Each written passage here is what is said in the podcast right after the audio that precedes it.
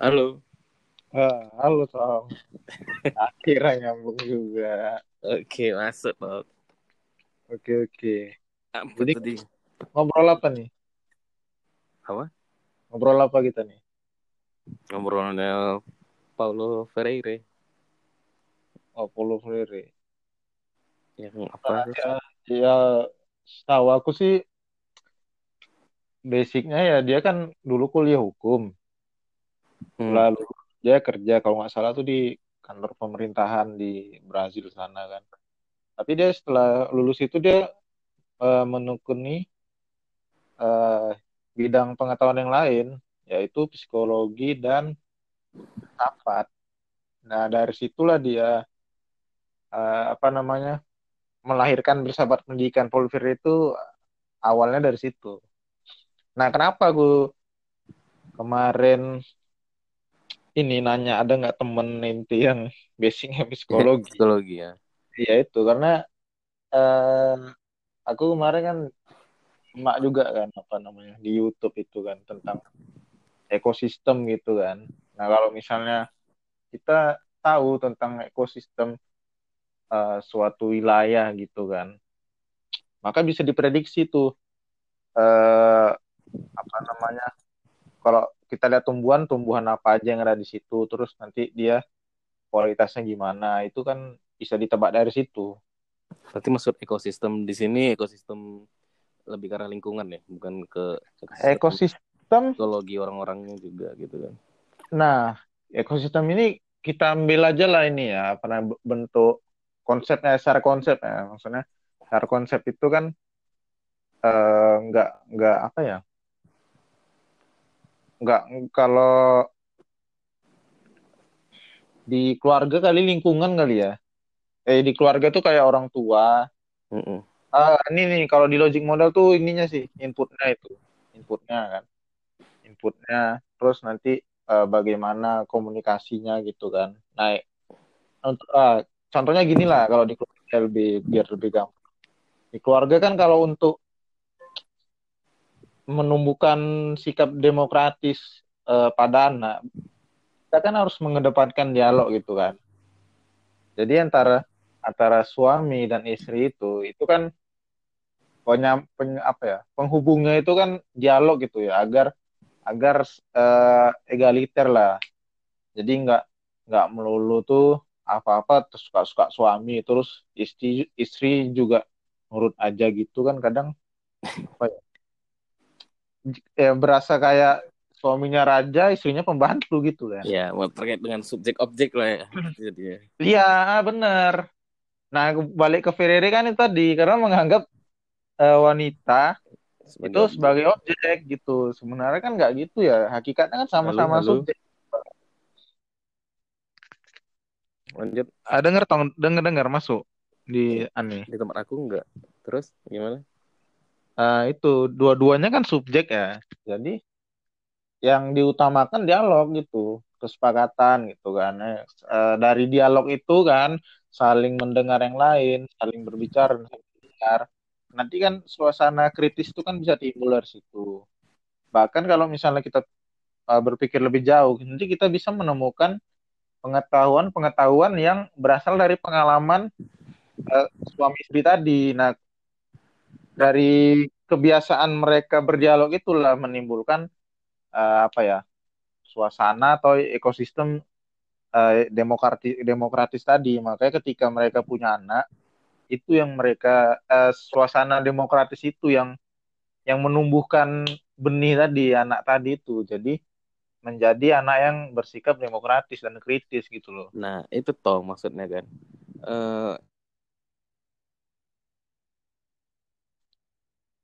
Halo, halo, ekosistem apa tadi? yang kritis gitu kan. Kita mau ciptain ekosistem yang kritis kan. Mm-mm. Tapi ada juga yang kayak beranggapan lebih bagus ekosistem yang menurut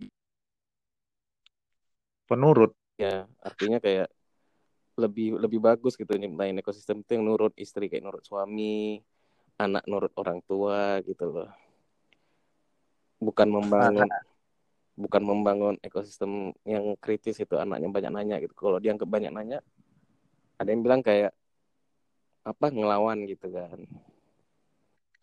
Nah menurut kayak penurutnya ini penurut juga perlu di mulai perlu Iya. dikritisi juga sih. Soalnya karena orang tua ini kayak ngerasa nggak nggak nggak boleh dikritik gitu loh ya kan.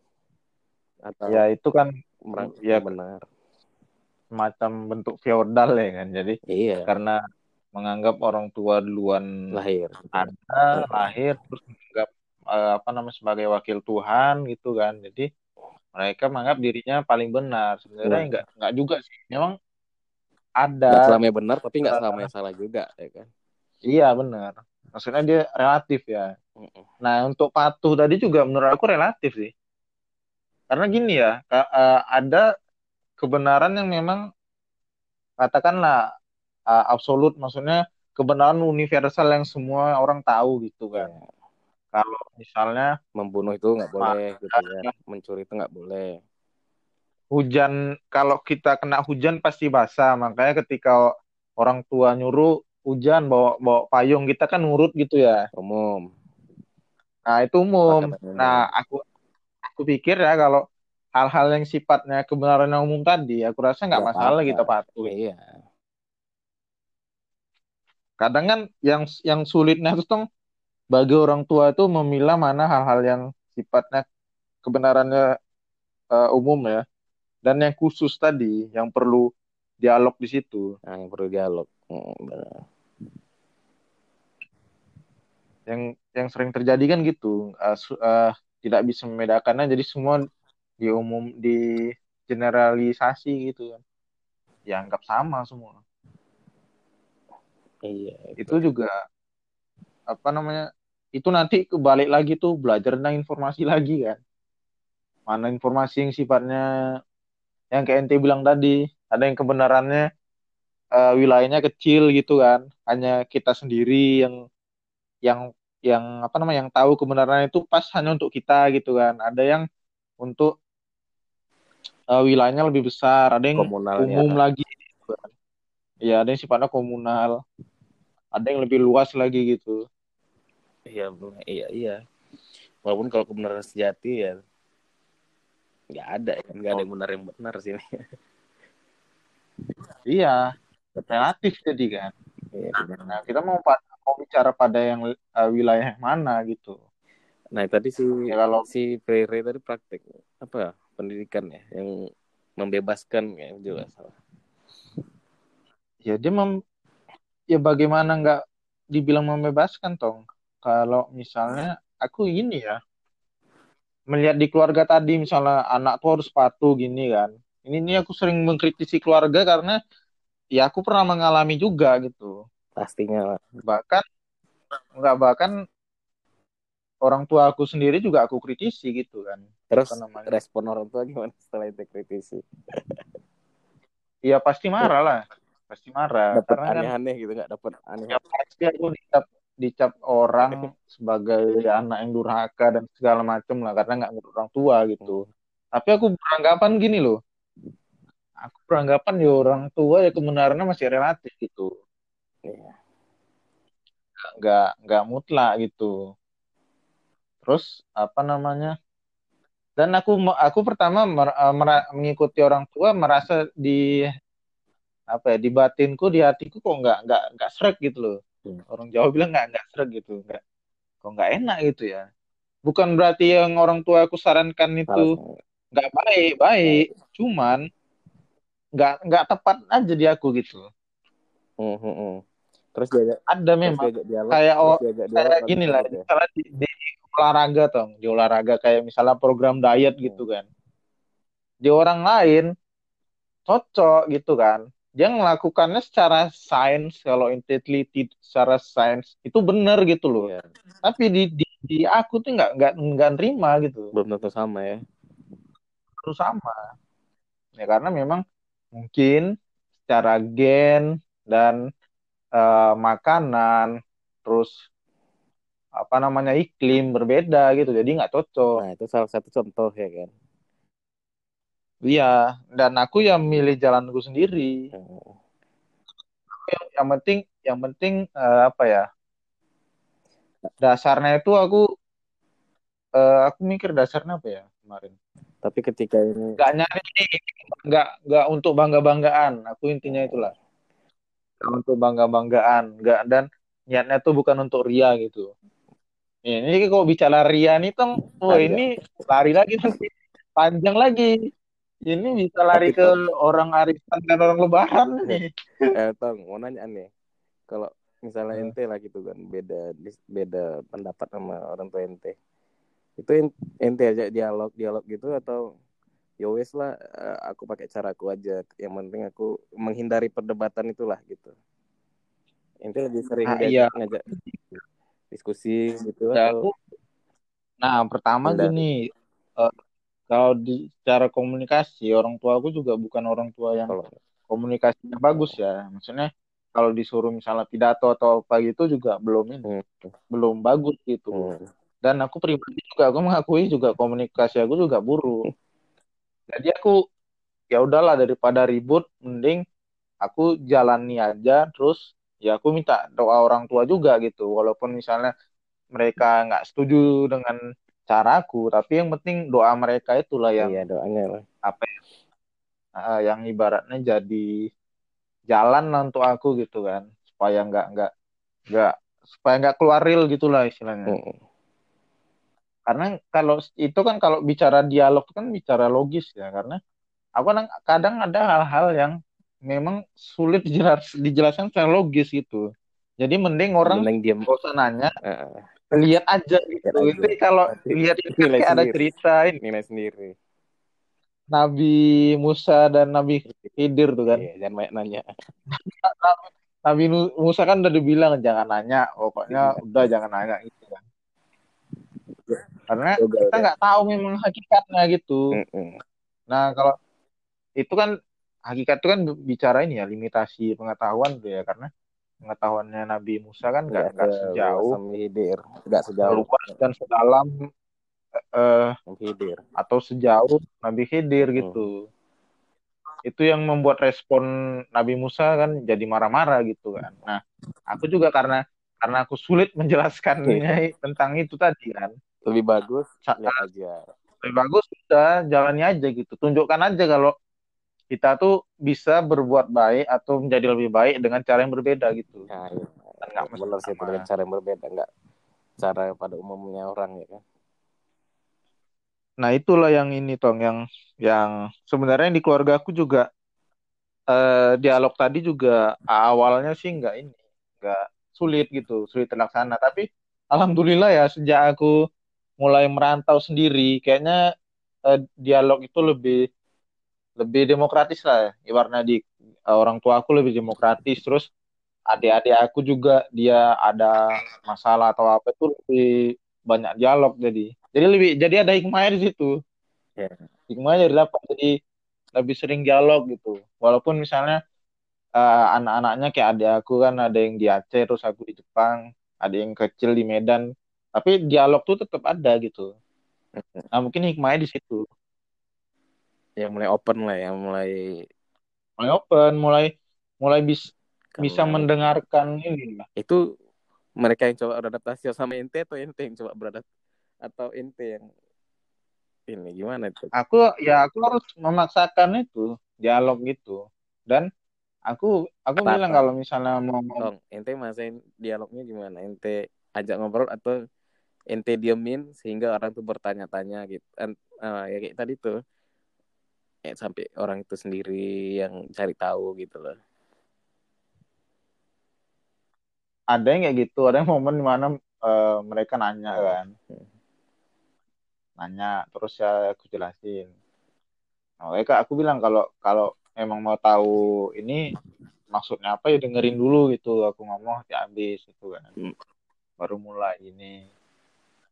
Nah dari situ juga misalnya orang tua aku nanya ada masalah atau apa yang ngobrol gitu. Ya aku dengerin juga lu, aku dengerin. Aku bilang udah udah udah apa? Udah belum ininya apa namanya? Yang mau disampaikan udah belum gitu. Kalau udah Gantian. ya maksudnya kan kadang kan aku dikira motong iya. gitu kan. Aku udah dulu nggak apa-apa. Sampai udah aku denger tapi aku dengerin karena aku ngikutin rumus sama Tejo juga Iya. Dengerin fokus dengerin gitu. Kadang kan aku gini aku kadang bingung sebenarnya. Yang ngomong sama ente juga gitu kadang ente ini udah siap ngomong atau belum ya gitu. Belum? kadang gitu kan. Eh, kadang nanti lu gua sama-sama diam gitu kan. Pas sama-sama dia mau ngomong dua-duanya lah ngomong gitu kan. Makanya kadang sering Cuma udah ente duluan ngomong gitu bisa kalau ngomong itu harus natural juga tau nggak bisa kita bilang udah belum gitu. Hilang lagi natural. Iya kan lah iya kadang kan ka- aku eh, bilang gitu karena kan dari orang tua juga nggak nggak terbiasa ini yang ngomong dulu. Ini tau lah budaya orang Medan gimana kan. iya. Belum siap aku ngomong. Ngomong gitu kan. Semua pengen ngomong gitu kalau ada apa-apa gitu kan. Nah sedangkan aku harus ngambil posisi yang menjadi pendengar dulu gitu. Nah giliran nanti aku ngomong ya didengarkan gitu gantian gitu loh. itulah kebetulan bos aku jago bisa lah pidato kan. Dua-dua kan bisa Hmm. nggak nurun anak nggak bisa pidato apa apa komunikasinya mentok. Tuh, mungkin belum ini loh tong. Belum dicoba aja mungkin Nah, ya itu- kali ya. Harus men-challenge diri loh coba challenge Iya, diri. challenge sendiri challenge diri itu yang ini. Nah ini kok gara-gara tong meng-challenge diri tong. Aku teringat kemarin yang eh Gus Ulil itu ini cerita Gus Ulil nih yang apa namanya diwawancarai kemarin tuh ya. Bukan bukan Historia itu apa Cak Nur Society. Oh, Nur Society. Nah, yang iman tanpa syarat itu. Yang Imam Ghazali.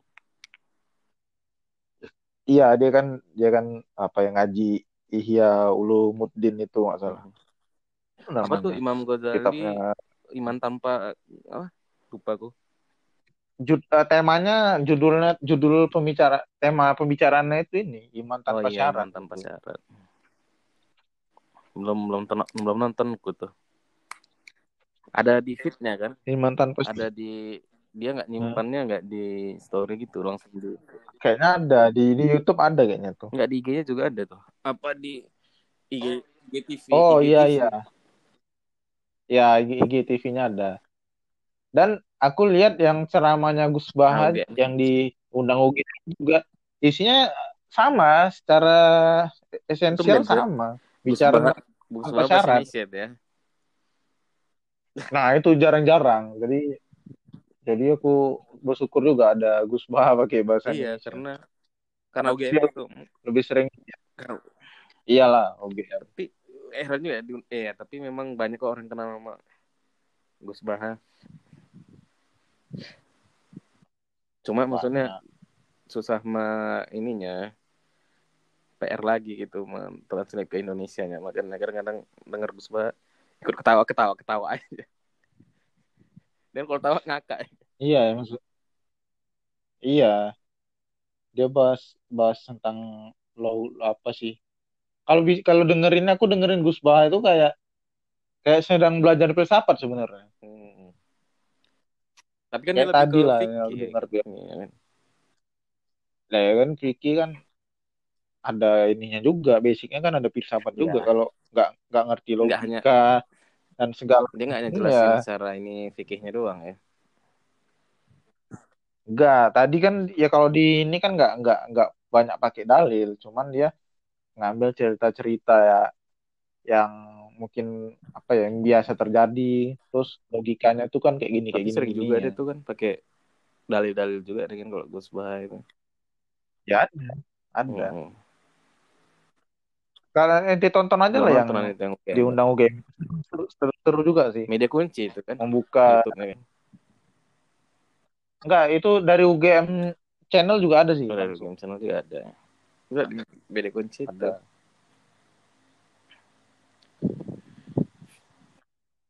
Nah, itu tadi gara-gara ke mana ya kalau bisa lari ke Ke Udah apa? ya? Tadi mau cerita Gus Ulil Dari- tentang apa? Iman tanpa syarat itu. Iya sebelum itu Apa? lupa gue. Hmm, psikologi ya.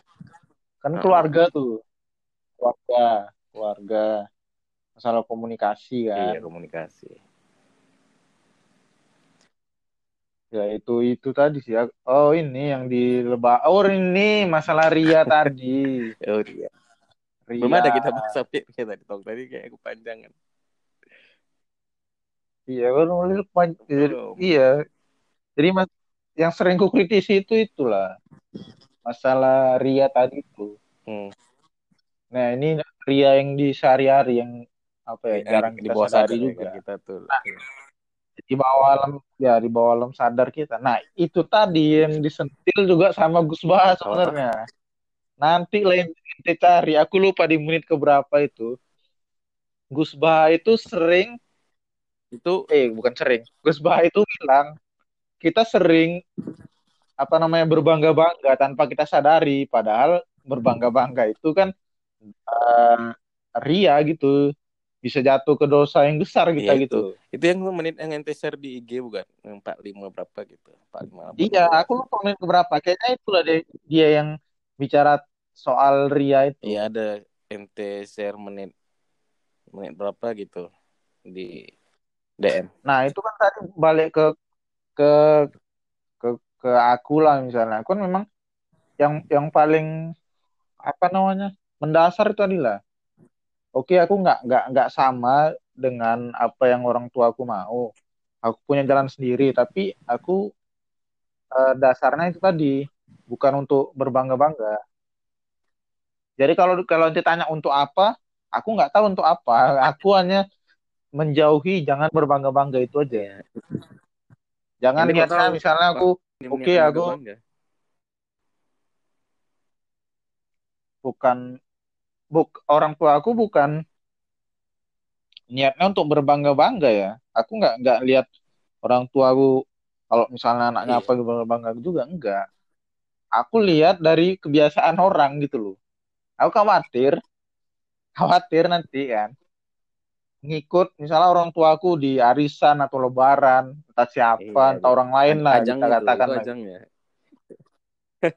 ajang berbangga bangga gitu kan dan di, di situ ada orang tuaku merasa eh, nggak bisa eksis katakanlah gitu kan Nah, terakhir ujung-ujungnya dia harus berbangga bangga membanggakan Iya, biar anak bisa misalnya berbaur gitu. gitu ya soalnya ya.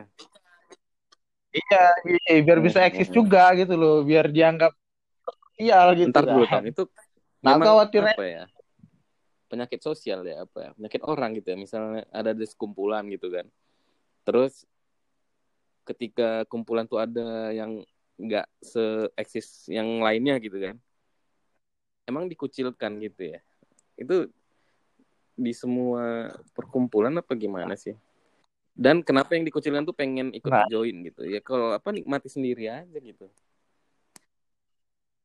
nah itu aku nggak tahu tuh Oke, makanya berusaha aku pokoknya kemarin nanya sama gitu supaya kita nggak ketinggalan gitu dengan membanggain juga gitu loh. nah itu aku nggak tahu tuh Iya. jawabannya makanya kita cari tahu juga jawabannya dan nanti mungkin dapat jawaban lain aku Nah, juga itu secara nanti psikologi ya, secara psikologi ya gimana sih? Nah, makanya aku kemarin kan ada bilang Meten, enggak kau ninti yang psikologi gitu kan. Jadi bisa dielaborasi gitu kan lebih asik gitu. Kenapa orang mesti kayak gitu gitu? Padahal ya bayangkan aja kalau misalnya le- lebaran arisan terus nanti ngumpul bangga-bangga kan nanya Pak. Kadang dia nanya supaya anak Ah, ditanya ya. gitu. Ah, mancing. Anak bapak sekolah di Gimana mana? anaknya Atau gitu. Anak bapak Kerja di mana? Sekolah di mana? Atau di mana? Oh, oh iya anak saya di Harvard tuh katanya. S3 gitu gitu. Rupanya Oh, bingung ya kan yang gitu. ditanyanya lebih tinggi daripada anak. Iya. Nah, aku pernah aku bilang gitu kan. Kalau ada, mah, aku bilang kan, mah kalau ada orang yang itu mah ditinggi-tinggiin aja mah Atau- udah mah gitu mah. Enggak, atau dia atau dia riset dulu. Dia sebenarnya dia tahu anak yang lawan bicara ini sekolah di mana. Terus ditanyainnya. Ditinggi-tinggiin aja biar nggak sombong kali gitu Enggak, kan. kan apa sih dibanggain gitu kan? Apa sih yang kita punya tuh yang harus dibanggain sama orang gitu? Aku aja kalau dibilang sekolah di sini, Nah. alah ngapain sih? Nggak enak kali rasanya di depan kita dibilang-bilang kayak gitu. Nggak, nggak nyaman gitu, Ini kan- nyaman. Ya berarti ya mungkin sinyal kita sama lah tong, sama-sama merasa nggak nyaman kan Kalau ada hal-hal yang kayak gitu. dia mau ngomong apa kayak mau apa.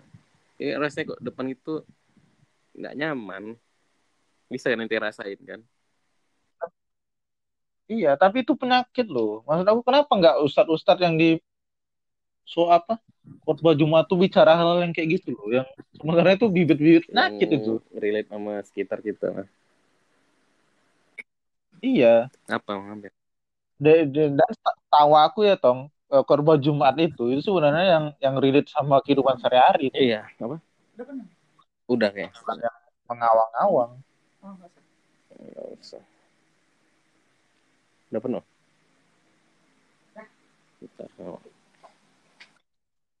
Kan nanti gini tong jauh eh, lebih jauhnya lagi ke yang materialisme iya itu. Nah, ba- berbangga-bangga gitu kan juga sifatnya kan individualis itu. Individualis dan sifatnya kompetisi, bukan nah kolaborasi. lagi ya itu toh maksudnya ujung-ujungnya saling mengalahkan ya. Iya, sifatnya ya ekosistem kompetisi, berkompetisi gitu. itu eh, lingkungan yang me- apa saling mengalahkan gitu Ya saling sikut Menyikut, menyikut. ya kan? kelebihan eh kelebihan Individu, anakmu individualis. eh, ini di mana di mana ngelihat kelebihan yang lain kan oh disinkronkan gitu kan saling nutupin gitu loh kelebihannya itu atau dipadukan Ya, itu mending anak kadang dia nanya, oh suaminya udah apa namanya promosi belum jabatannya gini-gini kan. Udah oh oh iya nih alhamdulillah lebaran kali ini rumah Mm-mm. baru gitu kadang-kadang mobil baru tas sombong-sombong yang apa? tersirat gitu. Ya dia ada ngomongnya nggak tersurat dia ini tapi tersirat dong. Tersirat. Nah yang tersirat itu kan Iya. jarang dilihat orang. Dan itu juga bibit-bibit penyakit makanya kalau mau bicara soal pendidikan kritis dan segala macam lihat aja di keluarga keluarga-keluarga orang-orang pada umumnya itu kayak mana gitu yang terjadi di, di realitas sehari-hari itu. Itu bisa di ini di ditebak lah. Karena ekosistemnya udah kayak gitu kan. Yang bibit yang lahir nanti juga ya nggak sama nggak nggak bakal jauh dari iya situ tapi juga. Tong coba kita putar sedikit pandangan ya kan coba kita jadi yang orang tuanya gitu ya. Kenapa mereka ngelakuin kayak gitu? Hmm. bisa aku juga bingung bisa tuh. jadi kalau gitu tuh. Aku udah capek cari duit juga kan. Untuk sekolah anaknya gitu. Hmm. apalagi yang bisa banggain ya kan. Selain itu gitu. Jatuhnya ya sebenarnya gimana ya eh aku kerja keras loh nih ini loh hasilnya anakku gini gini gini gitu. Pengen dilihat juga sih sebenarnya kadang-kadang kayak gitu. Nah itu tadi. Ya kadang kayak kalau kalau misalnya kita capek hubungkan cari sama ini ya. uang capek besarin eh, anak gitu loh. Apa namanya keberagamaan apalagi sekarang kan lagi booming nih soal yang hijrah hijrah segala Hmm. macam itu kan. Ya berarti kan dia menganggap apa yang terjadi itu sebabnya itu iya karena usaha dia bukan iya. karena Tuhan gitu iya kan. mungkin ada Tuhan juga ya kan. Cuma nah itu ngerasa eh kayak lebih ada. besar ini dia lah gitu. Ya balik lagi sih pengen dianggap eh, yang jasa eh, jasa pengen dia dianggap gitu kan juga sih kayaknya. Nah apa ya aku bilangnya aku kadang gitu kita bicara tentang tauhid syirik itu kok kayaknya kejauhan gitu loh aku. Eh, padahal realitas sekeliling kita banyak ya kan? Banyak. Yang tersirat tuh kan udah jelas menggambarkan itu. Tentang materi materi materialisme gitu kayak apa namanya kan aku sering kritik juga tuh soal cita-cita pada anak kecil itu kan itu kan sifatnya materialisme itu jarang ada orang yang jadi ngasih baik. cita-cita anaknya oh ya nanti jadi orang baik jadi orang sumpek sabar gitu bapakmu kata atau si jadi Fahri orang Pak. yang ahli ahli fikih gitu misalnya kan tong. Atau yang dia ahli tafsir atau ahli apa gitu sumpek kan. bapakmu kalau kata Pak Faiz. Kalau dengar cita-citanya kayak gitu. Kenapa cita-cita ini yang apa kan kalau misalnya ditanya oh pengen jadi dokter pengen jadi Profesi, pilot tuh kan yang ya. dilihat kan materinya Profesinya. gajinya gede gitu kan. Bukan Selain pada gede, hal yang maksudnya bisa mandiri cair. bisa cari nggak kerja di bawah orang gitu. Jadi wira swasta kan bisa juga dengan profesinya. Dokter dengan buka praktek dokter. Iya nah, dan ini tong kacaunya menurut aku ya. Yang yang sering yang terjadi sekarang itu orang menghormat orang orang menghormati orang lain itu materi. itu berdasarkan profesi. ya profesinya tadi.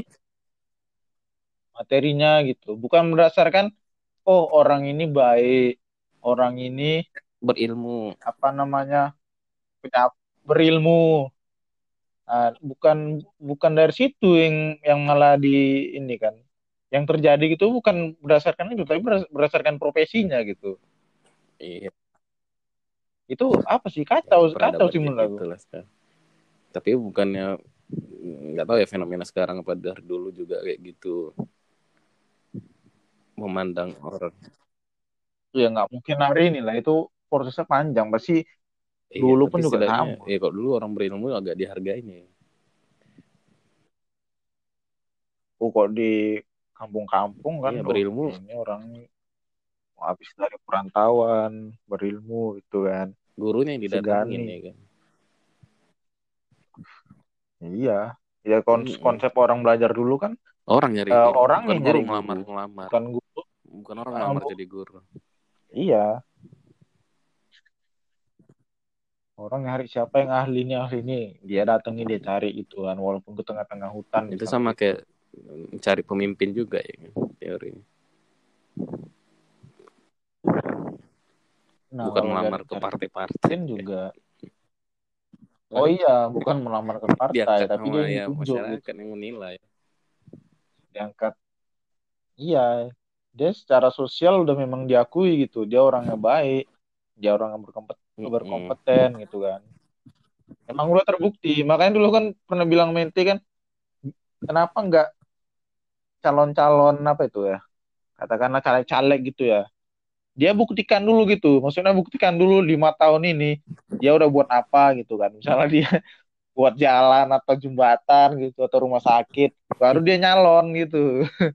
Jadi orang lihat udah ada buktinya gitu. Nggak cuma Nah, doang. itu kan perorangan modalnya gede tapi Gak kan usah nggak lah nyumbang-nyumbang maksudnya iya tapi kan nggak mungkin lah ini gitu ya. kayak sumbangsinya ke apa lokal bisa mendamaikan warga lokal juga termasuk ini juga kan Iya. Dia bisa mendamaikan sih soalnya ya, termasuk ya, yang pemimpin soalnya Ya, nanti kan dia pakai uang juga negara itu. juga nih mau beres-beres semua iya itulah caleg-caleg ini ikut lemhanas lemhanas tuh atau pernah ada nggak orang itu? Panas. teringat bosman tadi. Lemhanas itu ya. Rere lanjutlah tadi cerita Rere Eh, aku mau nanya ke ente Tong Eh, dari apa ya pengalaman se- sehari-hari kan ada nggak yang kira-kira menurut ente tuh ini nggak agak ganjil nih seharusnya nggak kayak gini nih gitu kan? Tentang apa nih? Sosial. Ya macam-macam. Ya mau mau dia misalnya dikaitkan dengan agama gitu kan. Karena oh di agama tuh ngomong bicara pesannya tuh kayak gini Ya, kenapa yang terjadi tuh kayak gini? Ramadan lah ya mumpung suasana Ramadan ya iya kan. suasananya. Terus mau menjelang ah, Idul Fitri apalagi menjelang Idul Fitri ya. nih. Tambah lagi berita kemarin Heeh. yang apa di mall-mall Jember itu Roxy dan segala macam pada buka langsung berhamburan gitu kenapa harus beli baju baru Nah, dan iya segala itu. macam mau itu dengan dalihnya beli baju baru kan itu kan ngantri semua di Iya, departemen store itu mengorbankan mengorbankan iya kesehatan di pula tuh kan kayak gitu semua kan dengar baca beritanya sih iya mau begitu beli baju baru itu kayak karena kan yang ada juga itu. yang komen Nah. gini tong nge nggak dikasih THR salah dikasih THR malah Hmm. turun ke jalan semua belanja semua itu kan orang belanja rame mall segala macam karena baru turun THR semua itu Iya, ya logikanya yang punya duit lah kan. Kalau nggak punya duit kan menengah ke atas lah ya nggak mana bisa kayak gitu. Eh, tapi kan Ah, em, ya lucu gitu kan saat kayak gini dan gak usah saat ini juga lah kalau yang gak usah ada covid gini kenapa harus ada tradisi baju baru gitu ya lebaran itu sih ganjil lebih ke materi tadi lebih ke material itu ngelihatnya Oh itu yang boleh eh, ente merayakan hari kemenangan ini. Meng- meng- apa ya? Mengukur katakan merayakan Apa tadi? Katakanlah ya. Eh, meraih ya meraih Nah. kemenangan dengan hal-hal Ah, simbolis kayak ada baju baru itu gitu ya. hadis tahap apa yang bilang ya pakai pakaian yang bagus gitu kan bukan pakaian yang harus baru gitu nggak selama Iya. bagus ba- dan baru itu bagus kan dan baru kan jauh beda. beda bukan identik baru itu bagus beda.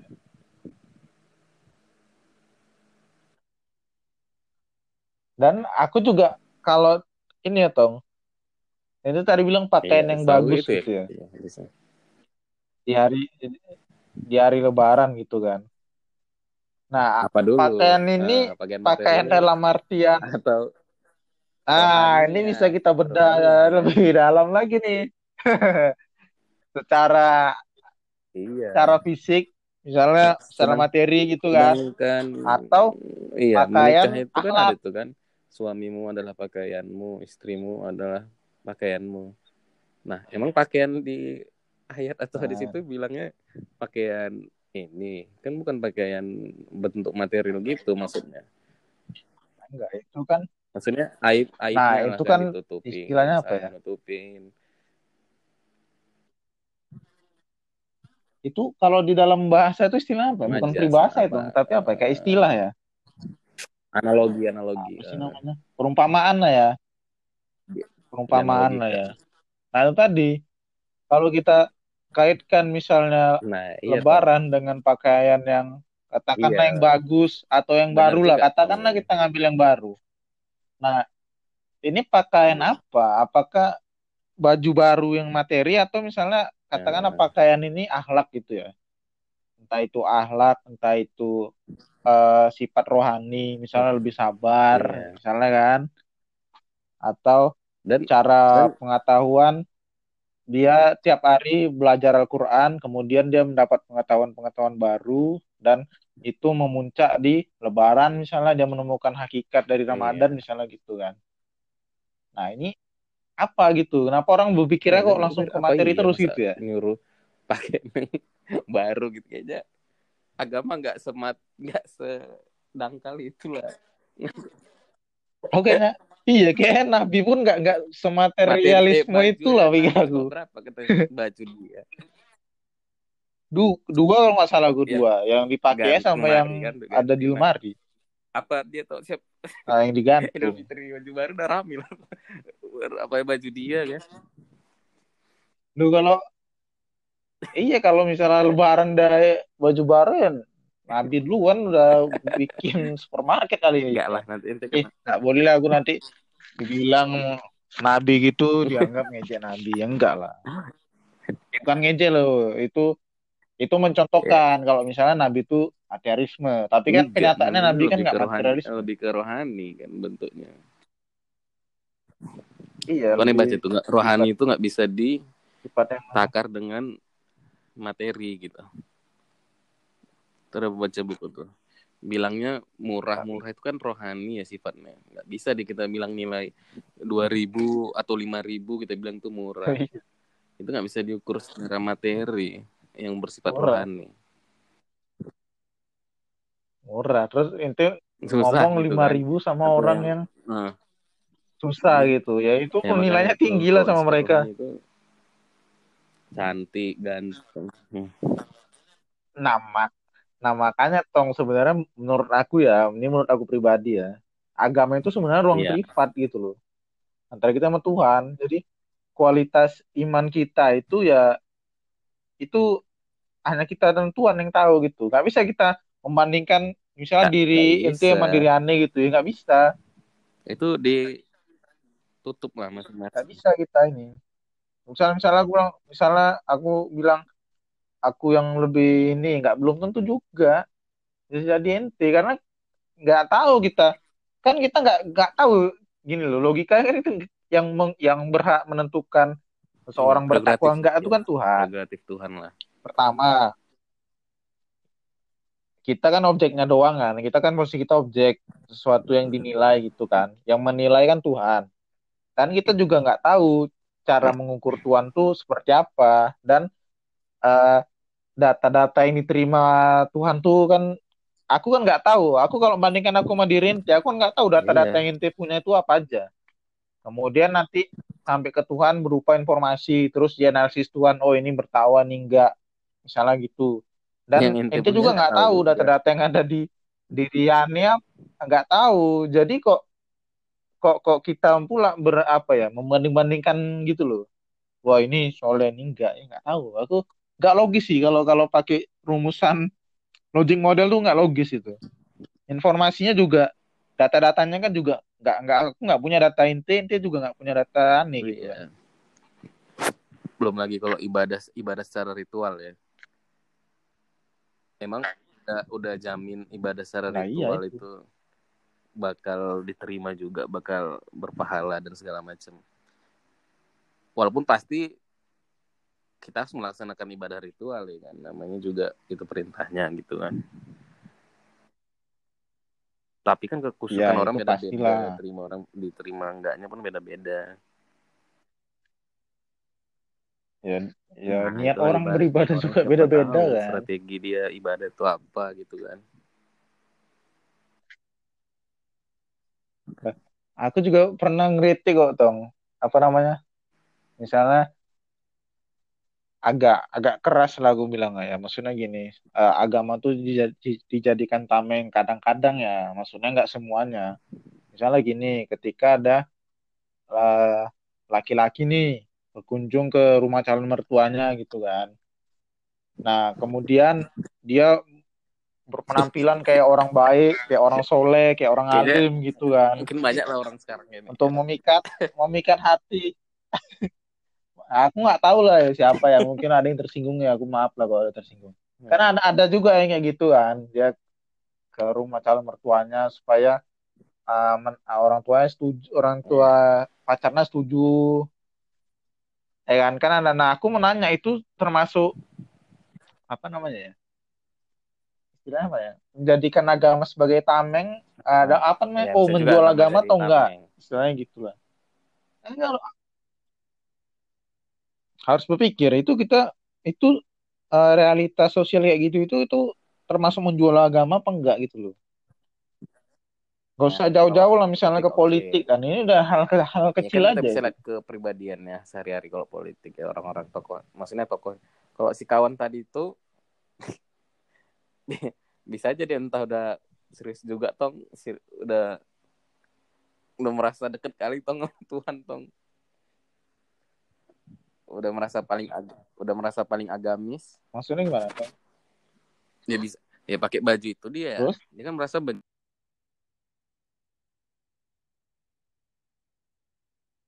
ya aku nggak tahu mungkin ada orang memang tong sengaja misalnya berpakaian eh, sebenarnya nggak salah. simbolis kayak gitu ya. Supaya Mm-mm. enggak eh, enggak salah. Kadang kan kita memandangnya beda. Bisa jadi dia gini dia pakai kayak gitu supaya memancing orang untuk rajin Iya, dia- ibadah. Ada yang niatnya Nah, baik dia gitu. kan kita dia niat orang kan nggak tahu-tahu ya. pakai baju kayak gitu atau merasa deket baju gitu jadi ibadah gitu kan. Mm-mm. ya ada yang berpikiran seperti itu. Dan mungkin ada yang berpikiran aku apalah misalnya dia berpakaian kayak gitu di tengah-tengah orang yang secara agama kurang gitu kan kemudian dia berpikir oke aku berpakaian kayak gini supaya memancing orang-orang untuk beribadah juga minimal dia lihat orang Hmm. pakaian kayak gitu untuk sholat gitu lah nah ketika apa namanya dia pergi sholat kan orang mikir Hmm. oh ini orang mau mau ke masjid gitu kan dia dan orang ngeliat kan kayak ada tersinggung wah aku kok nggak sholat sholat ya Ya, oke lah aku sholat ya kan juga. kan nggak mungkin baik kayak gitu kan. Ada juga ad- ada juga macam-macam sih. Nah, cuman tadi yang gitu kayak- kan. Dia yang kayak dia aku ke mau apa tapi dengan pakaian Ya. kayak gini dia merasa wah ini juga enak gitu nyaman gitu kan untuk ibadah. Terus sisi lain juga mungkin ada orang ngelihat dia wah jadi rajin gitu kayak ente bilang tadi. Aku juga jadi lingkungannya tep- ah terpancing gitu gitu masing-masing banyak yang enggak yang Ada, nggak setujunya memang kan ada sih. ketika mereka Apa merasa namanya, lebih baik Tong? dari yang lain itu yang kita nggak sama-sama setuju Nah, itu yang itu kan iya. Yang kita gini lagi yang kita lihat kan sebenarnya kan hal-hal yang kita tampak aja sih sebenarnya. Dan sebisa mungkin ya kita berpikir eh, positif Sama aja gitu. Karena ada juga ada juga orang yang terpancing itu dengan hal-hal yang simbolis kayak Iya. tadi gitu.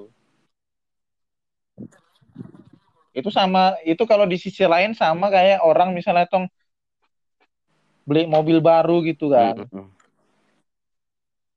itu kita taruhlah cerita yang orang beragama tadi pakai baju koko atau gamis tadi itulah kan itu di sisi kanan. Di sisi kiri itu ada juga orang misalnya eh, secara Iya, posisi apa namanya? Sama lah secara posisi sama. Misalnya orang dia beli- ini dalam wilayah materialisme ya misalnya dia beli mobil oh oh ini kok beli mobil ya? Aku iri nih Itu gitu kan. kata- ya udah beli mobil baru juga ada gitu. Surga di kita neraka bagi tetangga jadi surga dunia itu lah iya. surga istilahnya lah ya surga di dunia itu bukan yang sifatnya kayak surga di akhirat gitu. Surga di kita bisa aja neraka bagi tetangga. Aduh si kawan ini beli mobil. Nah itu kan.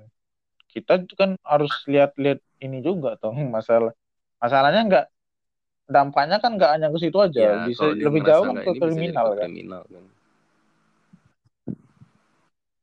ya. Itu sifat-sifat iri dengki itu susah juga. Karena materialis hmm. susah. Makanya Iya, aku juga mewanti-wanti diri aku juga itu sih masalah soal kayak dendam. Dendam iri dengki. Tapi iri iri yang kayak misalnya orang yang pakai baju gamis tadi terus dia sholat itu kan bagus ya. ya. Ya itu kan iri positif. Yang dengki itu kan pengen apa namanya yang iri yang negatif kayak tadi lah soal mobil nah kalau dengki itu kan nggak seneng Mm-mm. nengok orang lain seneng gitu kayak mana supaya dia nggak senang gitu makanya makanya itu kan dengki itu kan bentuknya tuh kayak pencurian segala macam dia nggak seneng sama orang miliki sesuatu dia curi atau misalnya dia Nah itu tanpa disadari apa si gitu lah kan. pemilik mobilnya ya kan. Dia taunya ya aku beli mobil doang, nggak tahu deh sisi negatifnya juga menimbulkan iri sama orang lain. Ya, di luar kuasa dia, di luar kuasa kuasa dia juga. Lah iya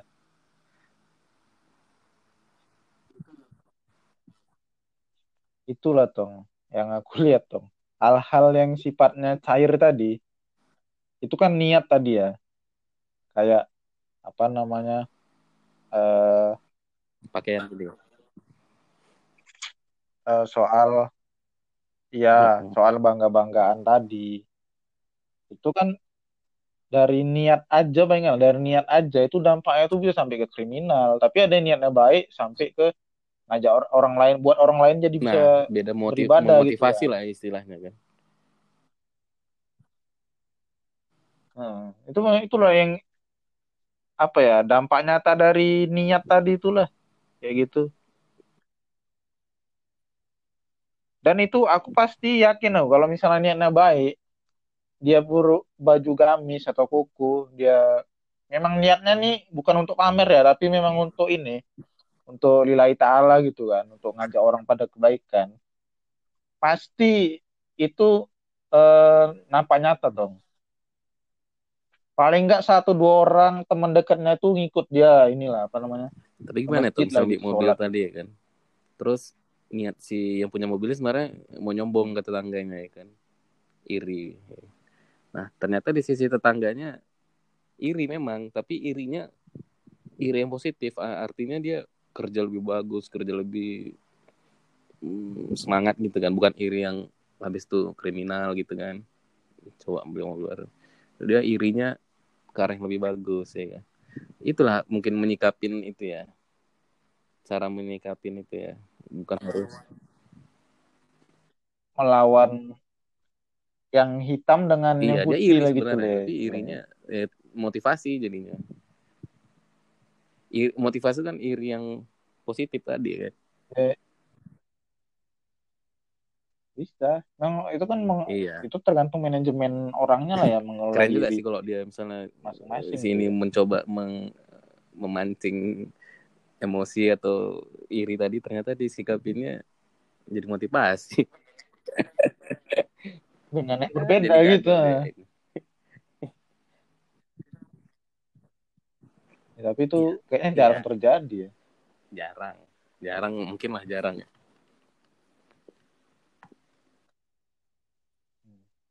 Tapi nanti ente, ente lihat lah analogi yang disampaikan Gus Baha itu tentang berbangga-banggaan tadi itu. Itu asik sih ya, apa nyimaknya asik gitu karena memang mungkin ya Gus Baha juga niat realitas sosialnya juga kayak gitu ya. Padahal kita disuruh bangga Sering sombong terjadi. apa sedih jaroh pun nggak buat apa ya dosa gitu ya. Iya nggak nggak ya kata kalau misalnya nggak bakal masuk surga lah gitu kan rasa nah. sombong nah, walaupun manusiawinya bangga, bangga sama sombong tuh beda beda nggak ya?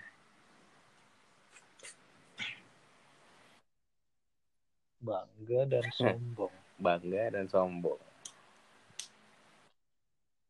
Beda-beda. Oh, aku ng ngambil lagi nih kalau kalau bangga tuh di ini ya nah. kayaknya di dalam diri aja gitu sifatnya. Wah bangga gitu sombong nih udah nah, sampai ke orang lain. Terkait ekspresinya kan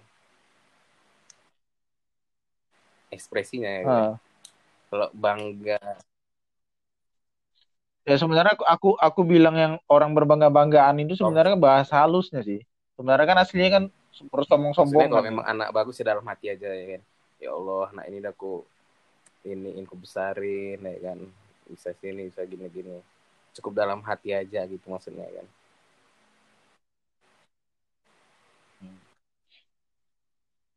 Nah nanti misalnya ditanyakan orang pasti ada yang protes. Iya. Ya biarin aja lah usaha mereka berbangga-banggaan gini gini gini gitu kan.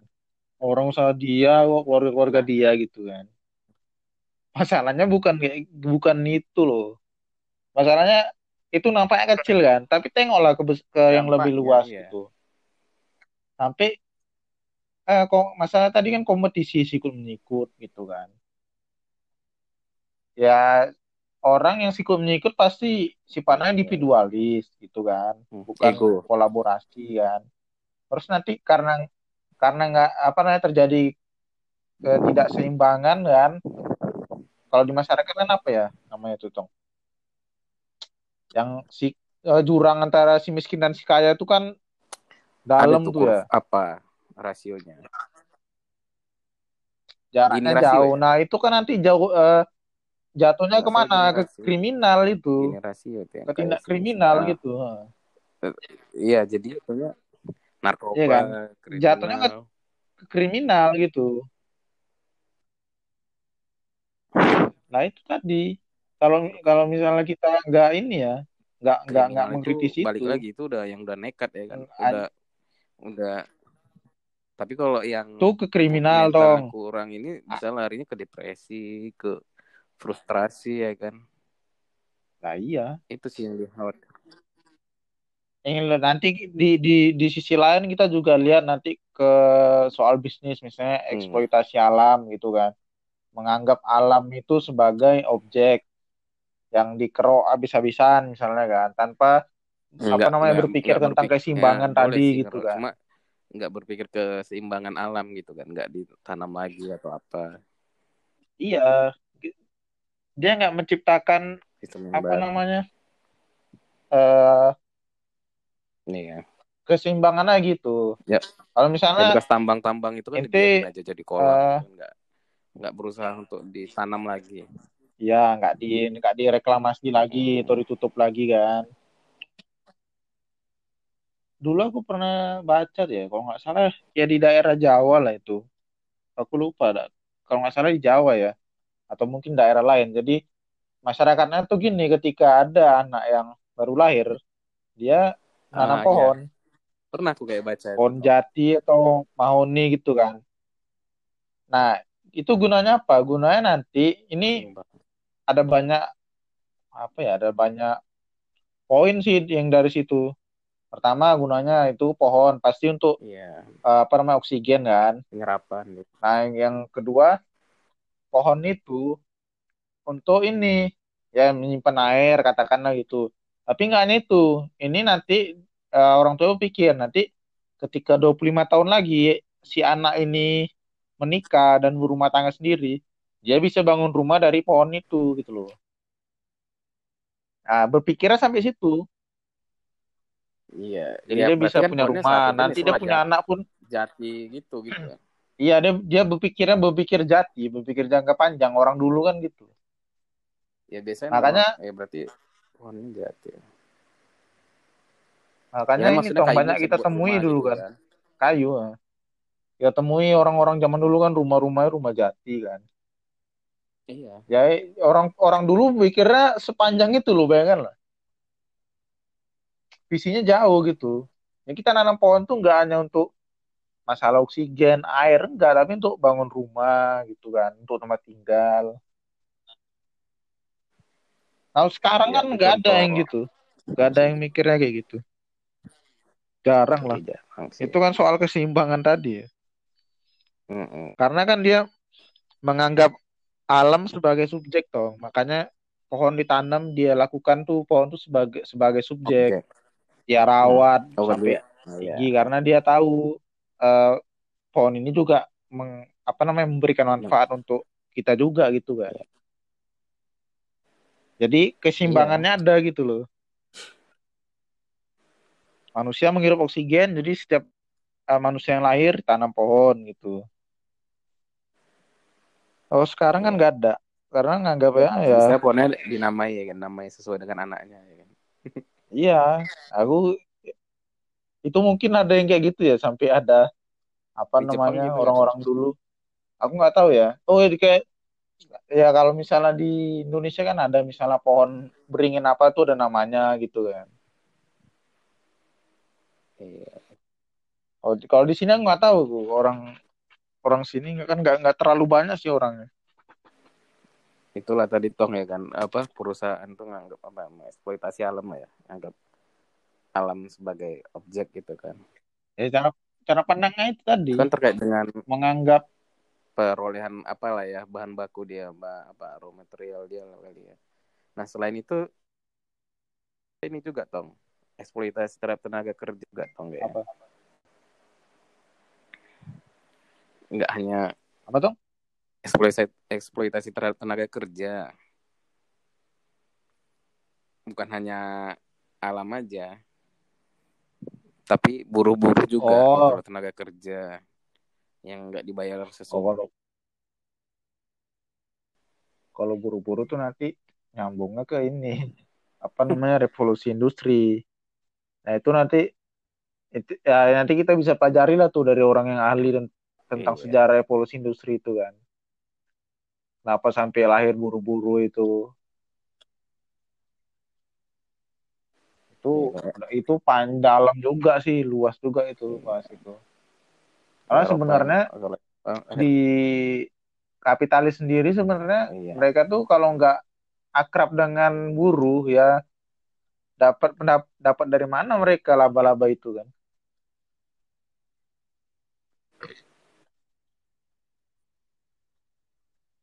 Iya, tapi maksudnya itu lah nggak ya di, itu kan itu tadi nggak dianggap manusia lah gitu. Sampai sekarang masih bah. Yang intinya kan ingat yang diputar Pak apa itu ya video itu yang eh oh itu di Bangladesh apa mana tuh ya gitu kan. yang murah Kenapa kan orang tuh buat pabrik Pabrik, di daerah-daerah ber- Hmm. Heeh, kita juga kan tenaga kerjanya mu- nah itu nanti tong kenapa misalnya Ya. pertanyaan itu kenapa mereka menerima upah yang murah itu, itu. gitu kan.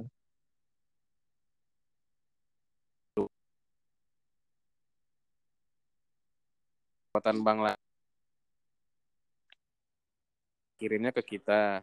Nanti yang kait gitu kan yang dari babi haram dari ini. Iya aku tuh nggak ngeliat dari prosesnya gitu. Aku apa eh, strategi bisnis itu kurang ngerti lah. Tapi aku malah menyoroti gini loh, kenapa ini apa namanya mereka kok menerima sih dengan upah murah gitu gitu. iya kalau itu mau nggak mau lah tuh nggak ada kerjaannya mungkin bisanya itu Sebenarnya gini sih, apa namanya? Aku lihat nih, eh kayak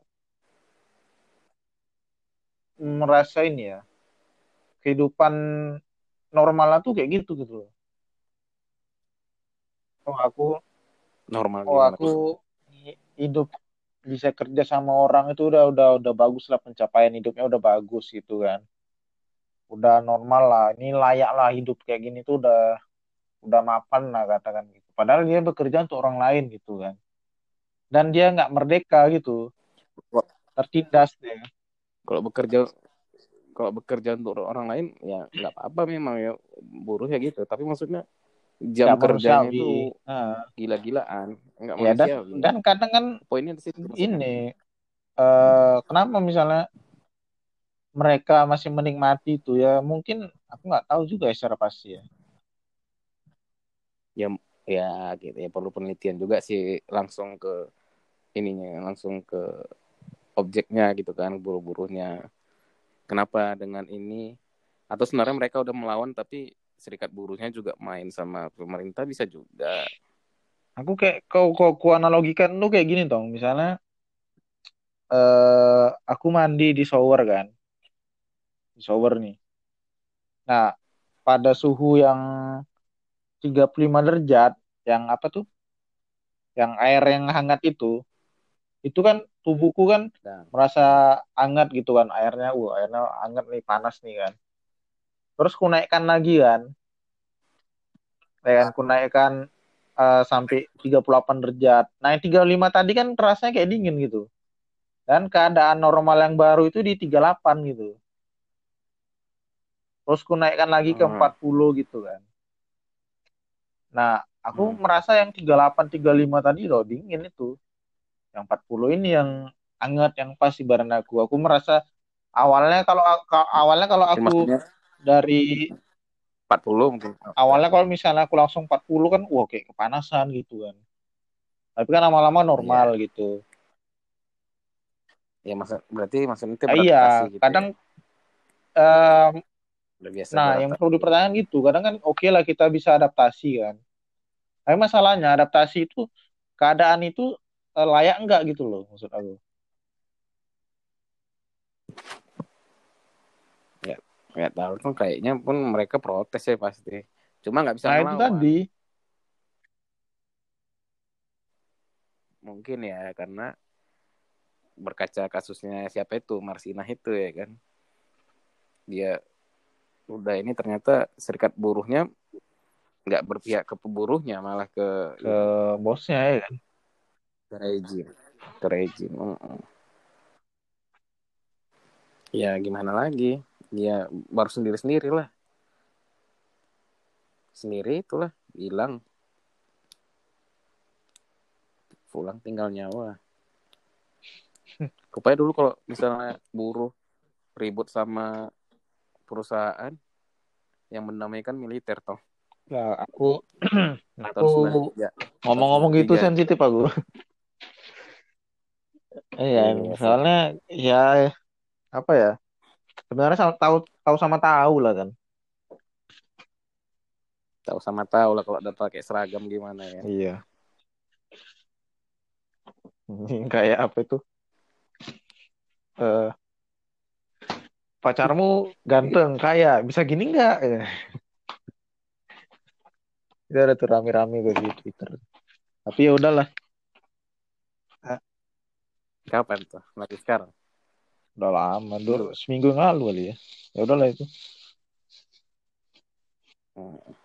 Iya, pas itu sih sensitif sebenarnya. payah nanti. orang saja belum selesai, selesai kasusnya ya kan Iya, nah itu tong sebenarnya kan eh, tentang kesadaran kritis sih sebenarnya. iya ada orang yang terima aja ya Udah udahlah lah gitu hidup kan. hidupku kayak gini gitu kan. memang takdir kayak aku gitu. Dan gitu. itu dianggap normal gitu loh. Hmm, itu new, new normal Problem lagi. dulu Nah itu kan ya. apa namanya untuk mencapai kesadaran tadi kan juga sulit juga sih sebenarnya.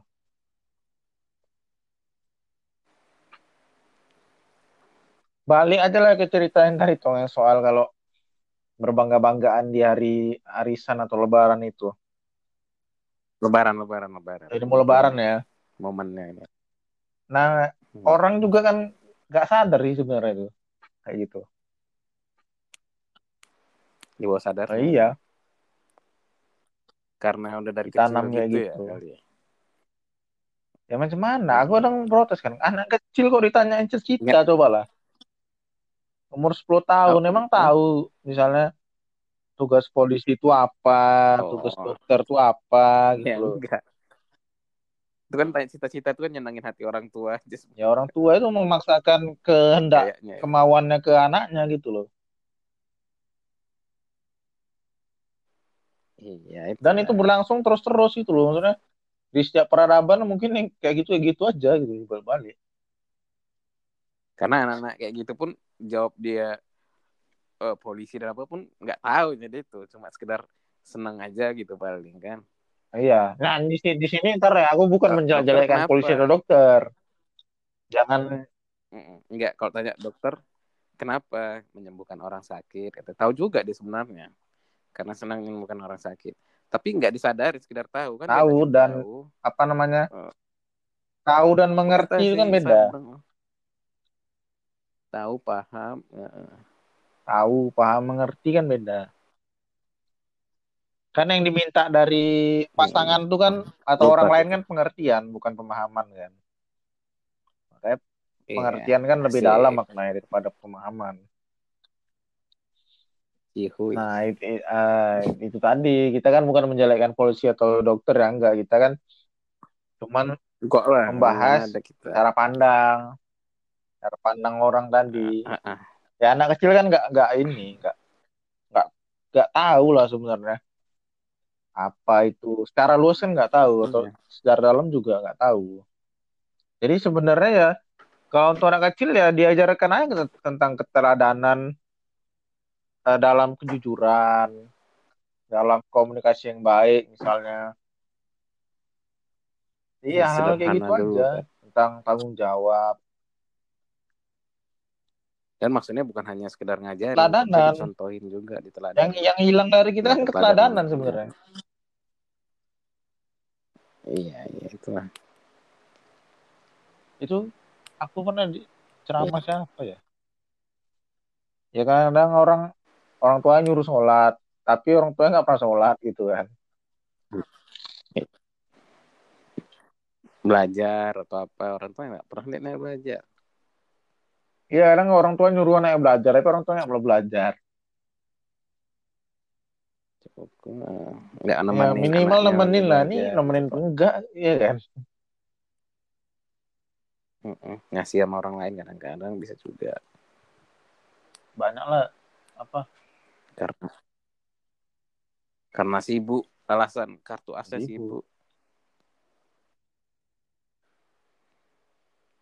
bayar orang udah selesai gitu kan enggak Iya, nganggap eh, apa namanya hal kayak gitu sebagai apa ya problem problem solving. nggak diajak kalau diskusi juga sebenarnya penting juga diajak itu Ya penting. Aku kadang aku sebenarnya kalau dibilang iri sebenarnya iri aku nengok orang yang udah berkeluarga, udah punya anak ya. Bisa terutama yang bisa ini ya ngajak anak diskusi gitu kan. Iri gitu Mhm. ya. Aku iri yang sana iri yang ini ya yang baik ya. Oke, itu anak siapa yang sering update tuh Oh ada anak apa namanya? Nesa ada anak artis artis dari Hong Kong itu Eh, anaknya itu kirain siapa ya kok Iya, ente dikira kon aku anak aku kan uh, siapa ibu pikir aku siapa Iya, siapa mak siapa cantik maknya? gitu. Dia bilang kon aku, iya ada, ada mirip lu katanya. Iya, cuman ibunya siapa gitu. Oh, Enggak itu anak anak orang. Ya, orang kan pada nanya kan, anak, dikira anak aku pula. kira ya kira anak saudara ente kira anak gitu. aku ibunya orang Cina gitu. ya aku irinya itulah apa apa seneng orang apa namanya diskusi sama anaknya gitu kan. Kayak dari kecil tuh udah Hmm. dia, dia diajak cerita atau apa gitu. Asik sih sebenarnya. Aku bayangkan aku membayangkannya aja tuh aduh udah tentram hati aku. Bahasanya tentram lagi.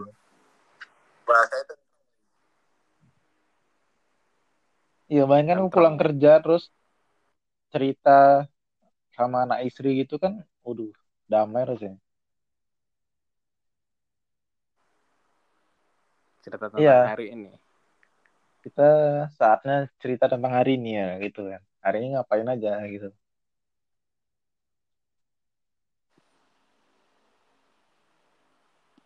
Iya.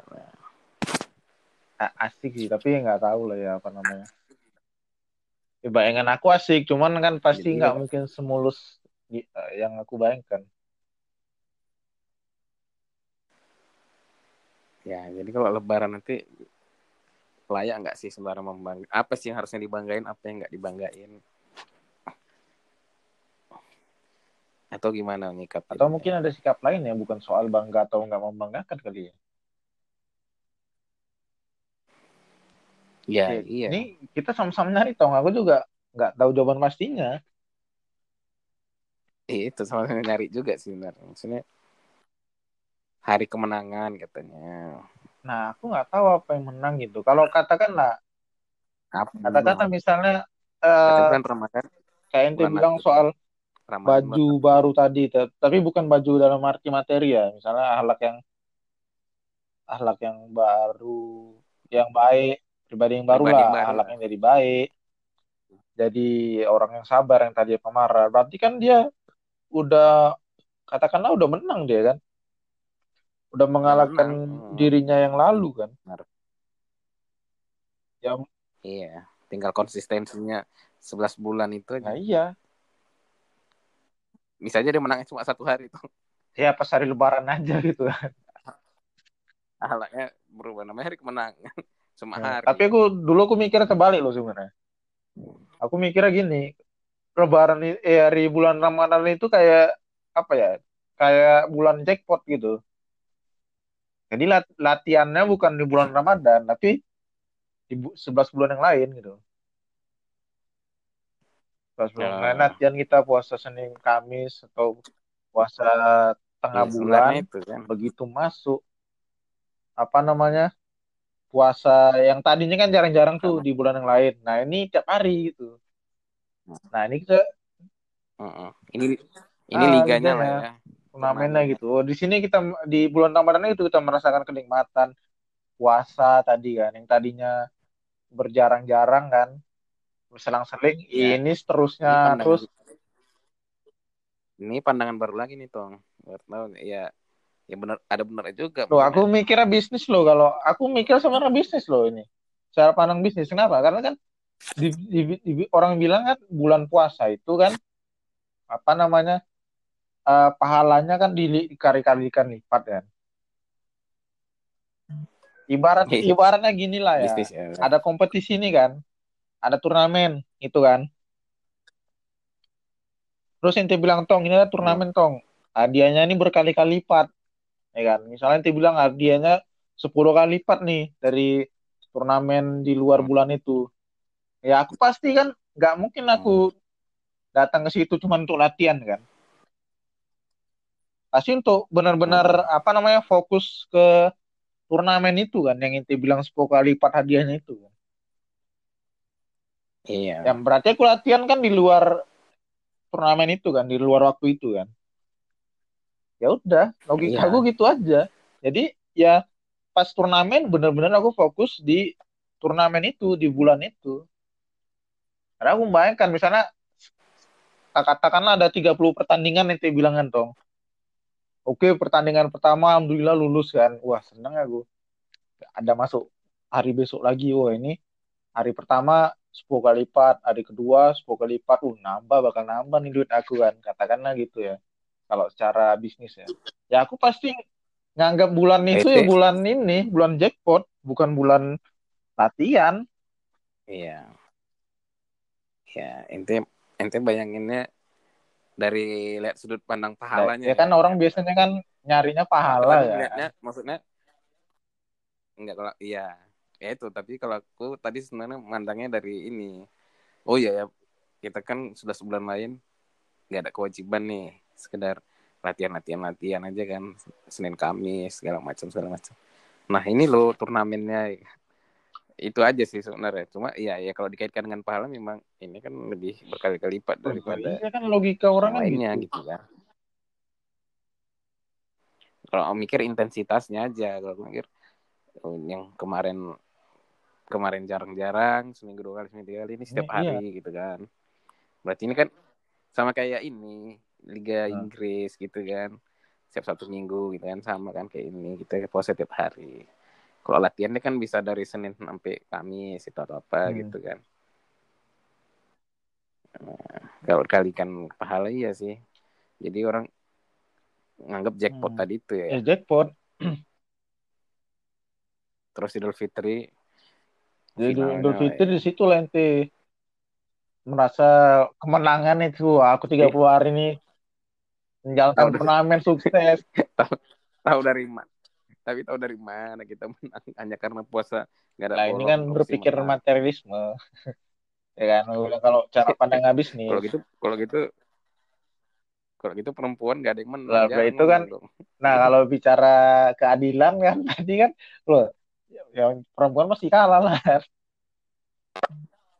ya iya kalau bagi perempuan yang ini ya yang kebetulan dapat halangannya situ ada nggak dapat Ya aku nggak tahu kalau itu yang sebulan. bisa Tapi ya itu itu Nah. cara pandang bisnis. Kalau mau kayak gitu. Tapi kan aku kan nggak nggak nggak ngambil bisnisnya sih. iya itu lah malah dibilang puasa bulan latihan Nah, aku bingung bulan latihan. Aku justru mikir sebaliknya sih. Iya, bulan pertandingan Iya, justru eh, pertandingannya di ini di di bulan Ramadan ini benar-benar apa namanya kita puasa tuh merasa nikmat gitu.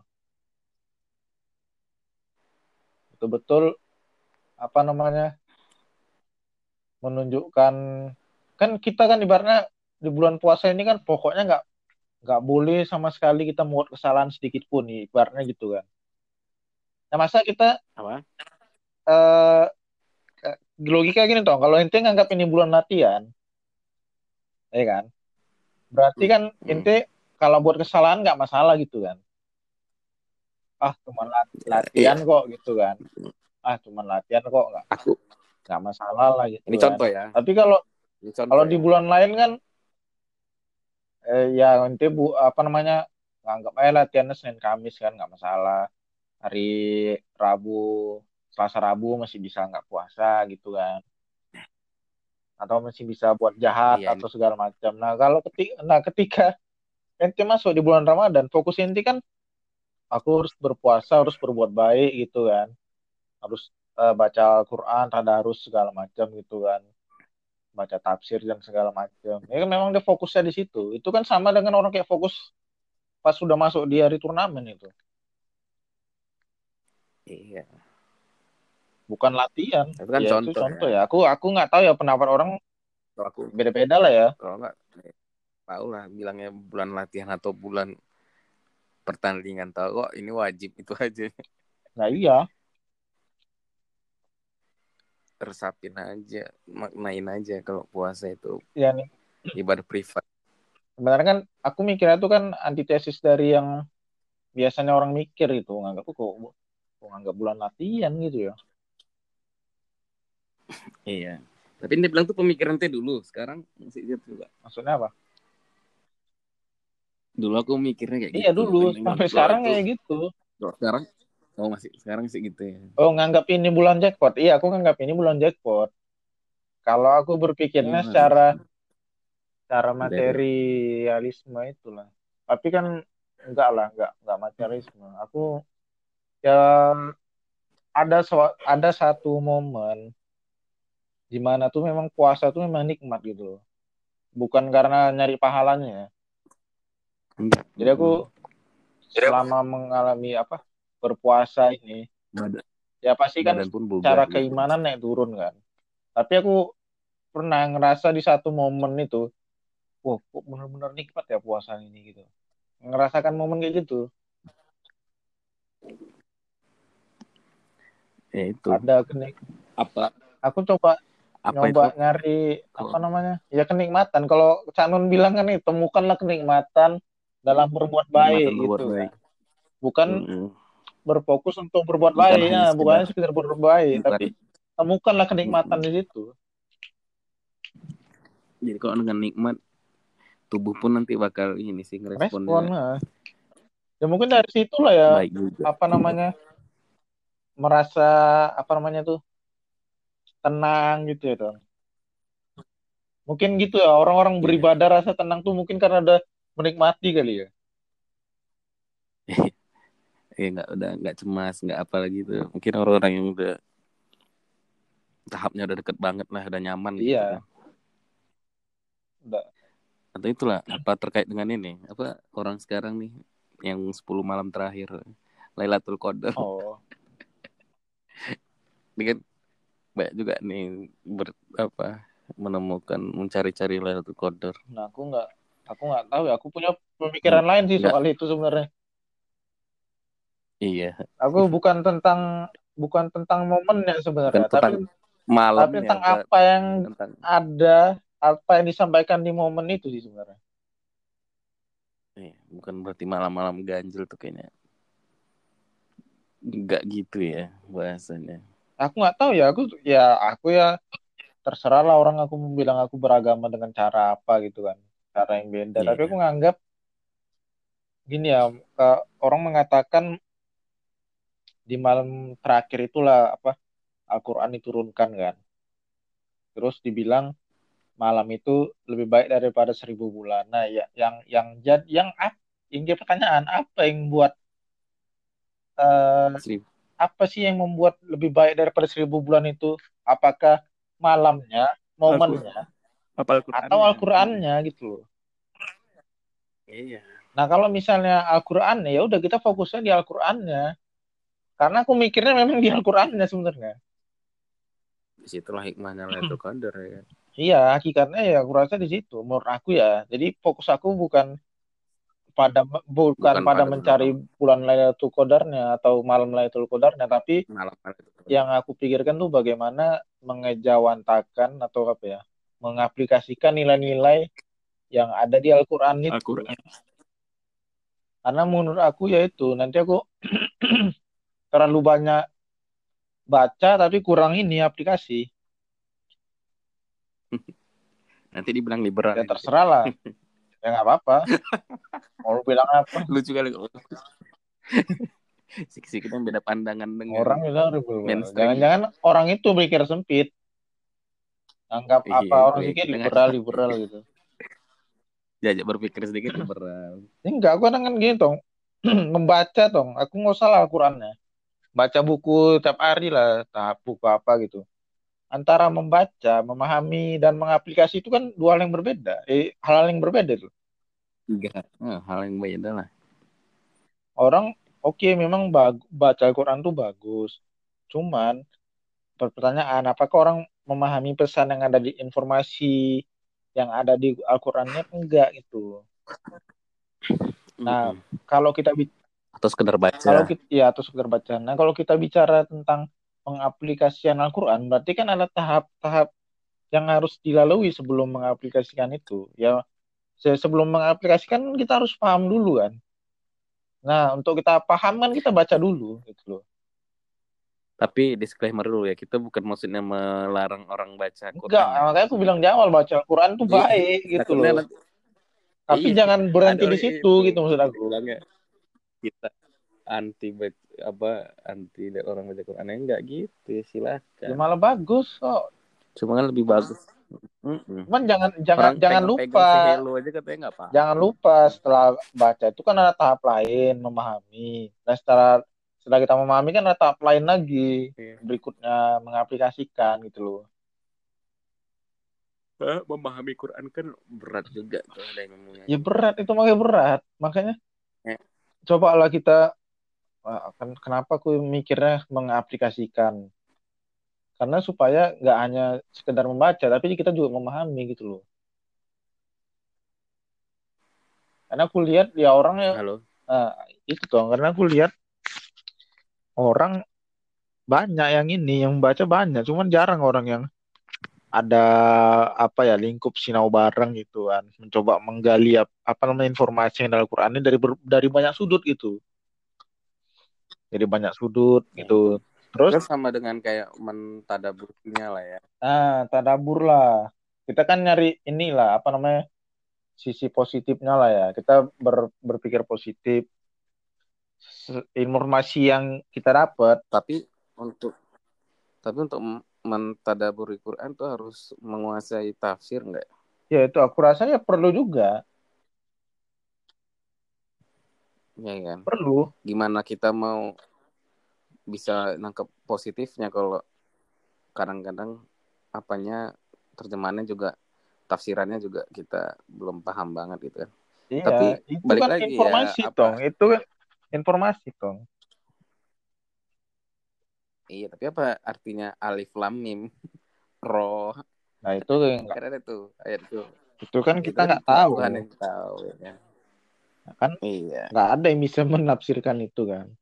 Dan yang yang penafsir itu pun juga juga belum belum tentu tahu dia kebenaran absolut atau kebenaran sejati Iya. itu kan. Yang kebenarannya sama juga bilang. Makanya juga penafsir itu juga sebenarnya eh bukan yang ini ya, bukannya apa ya. Bukan penafsir itu kan beda-beda. Berarti kan mereka punya pemikiran yang beda-beda. Nggak nggak sama gitu. Iya. loh. Dan dan kita memang karena aku berpendapat gini, mereka ilmunya lebih dalam, lebih luas. Ya pasti secara secara adab eh kan, secara sopan santun pasti aku harus tahu dari mereka juga kan gitu. Untuk menggali informasi gitu. Mm-mm. Ya misalnya gini lah, ente ada pengalaman kerja di audit, akuntansi, pasti aku nanya ke ente karena ente kan ada pengalaman situ, tahu ente ilmu-ilmunya gitu kan. Tapi itulah memang kita nggak ada disuruh ini ya mentafsir ya. Kita disuruh ayo mentadaburi ya kalau kata ini memang. Ya itu, tadaburi.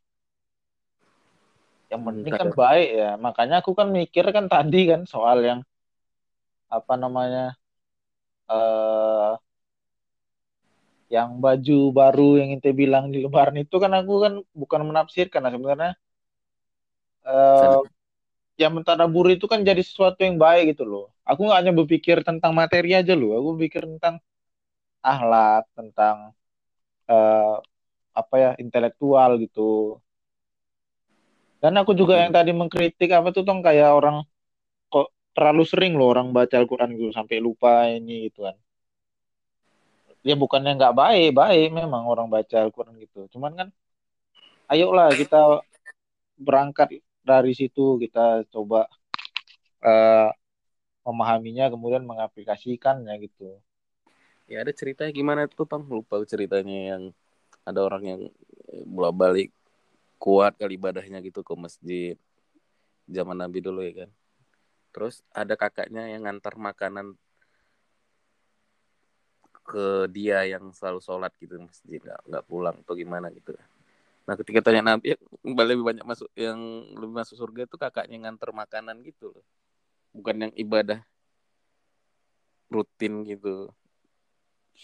Sampai lebih bagus kakaknya itu yang memberi makan ke dia yang sedang ibadah gitu. Pernah tuh ceritanya? Lah aku mikirnya logis aja lah Tong. dia beribadah kan untuk diri dia ibadah sosial ya. itu. Mm -mm. ya kan sedangkan kakaknya kan ibadah dia kan melakukan sesuatu untuk orang lain memberi orang lain kan. Dia jelas lah. Yang satu sifatnya egois yang satu sifatnya ini apa namanya memberi kan memberi untuk orang lain. Eh tapi kalau lihat fenomena sekarang kayaknya orang lebih me mengagungkan orang yang ibadah oleh di masjid itu sepertinya nah nggak tahu lah ya eh, yang aku yang ibadahnya sholatnya nggak ini baca Qurannya selalu selalu ingat lah gitu Wah, aku nggak nggak nggak paham ya kenapa orang mik melihat bisa ritual mikir ya kan ibadah ritual itu ya. cuman kalau nanti tanya kisah yang tadi tuh aku jelas milih kakaknya lah iya, logis iya, lah itu gitu. Logis lah yang adiknya memikirkan dirinya sendiri kakaknya mikirkan orang lain juga. Mm -mm.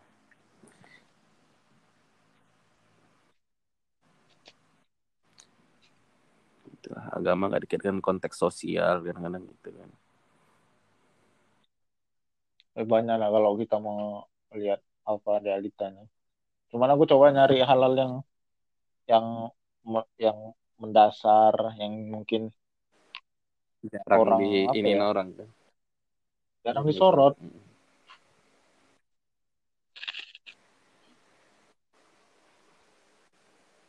bangga bangga tadi itu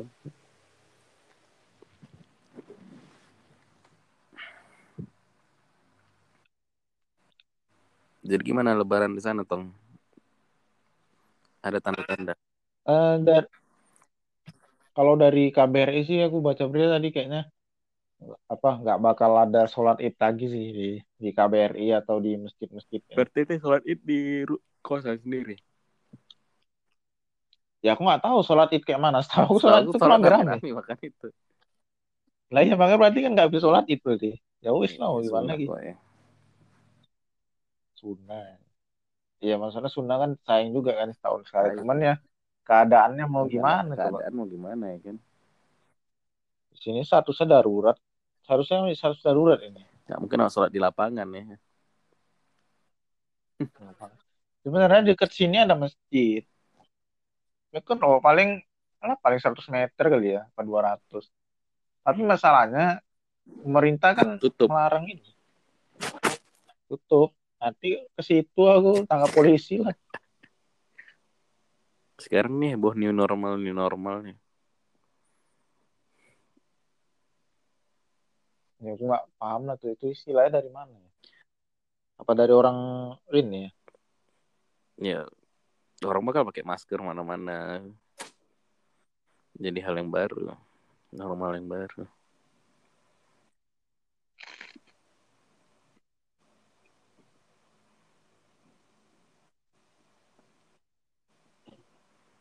Apalagi yang kita diskusikan, Tong? Belum tahu sih. Eh, belum mau belum ada kepikiran yang lain lagi. Mungkin antar kalau ada dapat dapat ide. Kira banggain apa Paulo Ferreira. Kebebasan. Aku sebenarnya bukan nengok dari Paulo Ferreira sih. Sebenarnya yang dibilang uh, aku lihat apa yang disampaikan Ferreira sebenarnya. Iya. Dan kenapa Ferrari bisa sampai Se segitu menulis itu gitu. Nah, makanya kan cerita Menti apa namanya ada nggak teman tuh uh, yang dari psikologi kan apa namanya latar belakangnya backgroundnya. Maksudnya maksud aku apa? Aku pengennya menggali pengetahuan juga dari orang-orang uh, yang base, apa background psikologi. Dan coba nanti kalau dapat pengetahuan dari mereka melihat realitas sosial itu dari dari sisi lain. Maksudnya kalau bisa tuh jangan sama kayak Ferrari, tapi kita realitasnya sama nih. Ferrari uh, melihat dari sudut Ferrari, menghasilkan pemikiran-pemikirannya. Nah, aku coba nyari sudut lain gitu. Da tapi realitas yang dilihat sama misalnya gitu kan. Nah, realitasnya kan mungkin beda zaman dia. Ya, sama toh tentang uh, apa namanya? Eh uh, apa istilahnya? yang ditindas itu orang-orang tertindas itu apa? yang kayak cerita buru tadi itu. Eksploitasi apa? Iya eksploitasi orang. Hmm. masalah pendidikan. Kayak yang yang aku cerita di keluarga itu tadi apa? Orang tua memaksakan menurunkan apa namanya itu kehendaknya kemauannya ke anaknya itu. Itu kan bentuk itu kan menindas anaknya juga sebenarnya itu iya. Anaknya kan apa namanya belum ngerti apa apa udah di hal-hal kayak gitu kan. Hal-hal sebenarnya yang kemauan orang tuanya sendiri egoisme orang tuanya sendiri. Nah Freire melihat itu pada realitas sosial masyarakat di Brazil di mana buru-buru atau masyarakat tuh ditindas sama orang-orang kaya gitu kan. Orang-orang kapitalis. Nah aku lihatnya itu lebih kecil lagi ke keluarga malah ada hal-hal kayak gitu. Jadi sebenarnya ya sama sih cara pandang Freire itu. Aku kan niru dari Freire cuman aku beda. lihatnya di di keluarga gitu loh di hal kecil di di Bahkan, apa namanya? Di hari arisan hari lebaran kayak gitu. Bukan lebih ke kapitalis lebih ke fasis. Ya.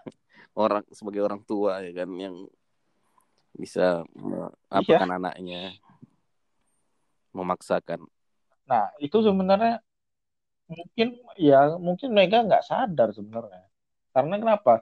Itu udah kayak jadi uh, kebudayaan atau jadi peradaban ya kan udah orang nganggap nganggap hal gitu harap maklum aja lah udah memang kayak gitu kok. Iya tapi dan nanti dianggap benar gitu loh. dengan dalih apa ya menemukan lah ya mem, apa mengarahkan lah alih. Dalihnya pasti mengarahkan anak pasti nanti. Padahal mengarahkan anak belum tentu anaknya mau yang sesuai dengan diarahkan.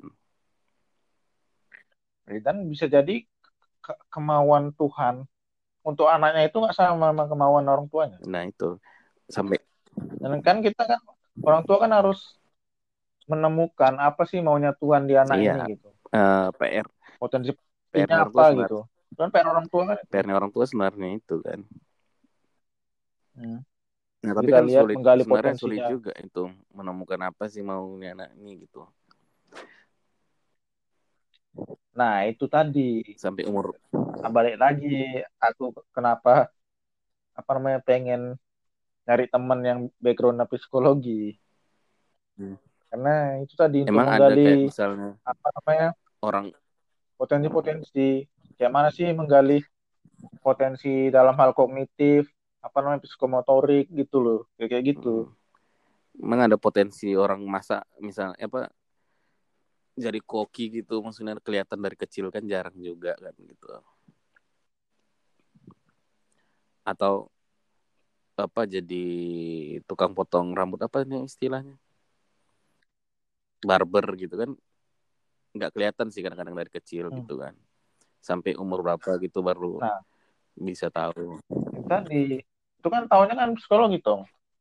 Manusia yang umur sekian sampai sekian itu dia uh, baiknya tuh apa ya treatmentnya tuh diapain gitu kan apakah diajari tentang hal-hal yang berbau fisik atau yang yang mengajak berpikir atau apa itu ke aku kan nggak tahu itu sebenarnya Iya itu pasti ada. Nah, biasa kan di psikologi kan tahu itu. Iya ahlinya ada itu.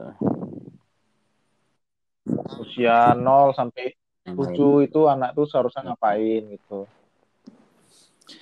tingkat pengajarannya kan beda juga kan beda nah menemukan bakat terus ngajak diskusi anaknya mau ke mana arah mau ke mana gitu kan.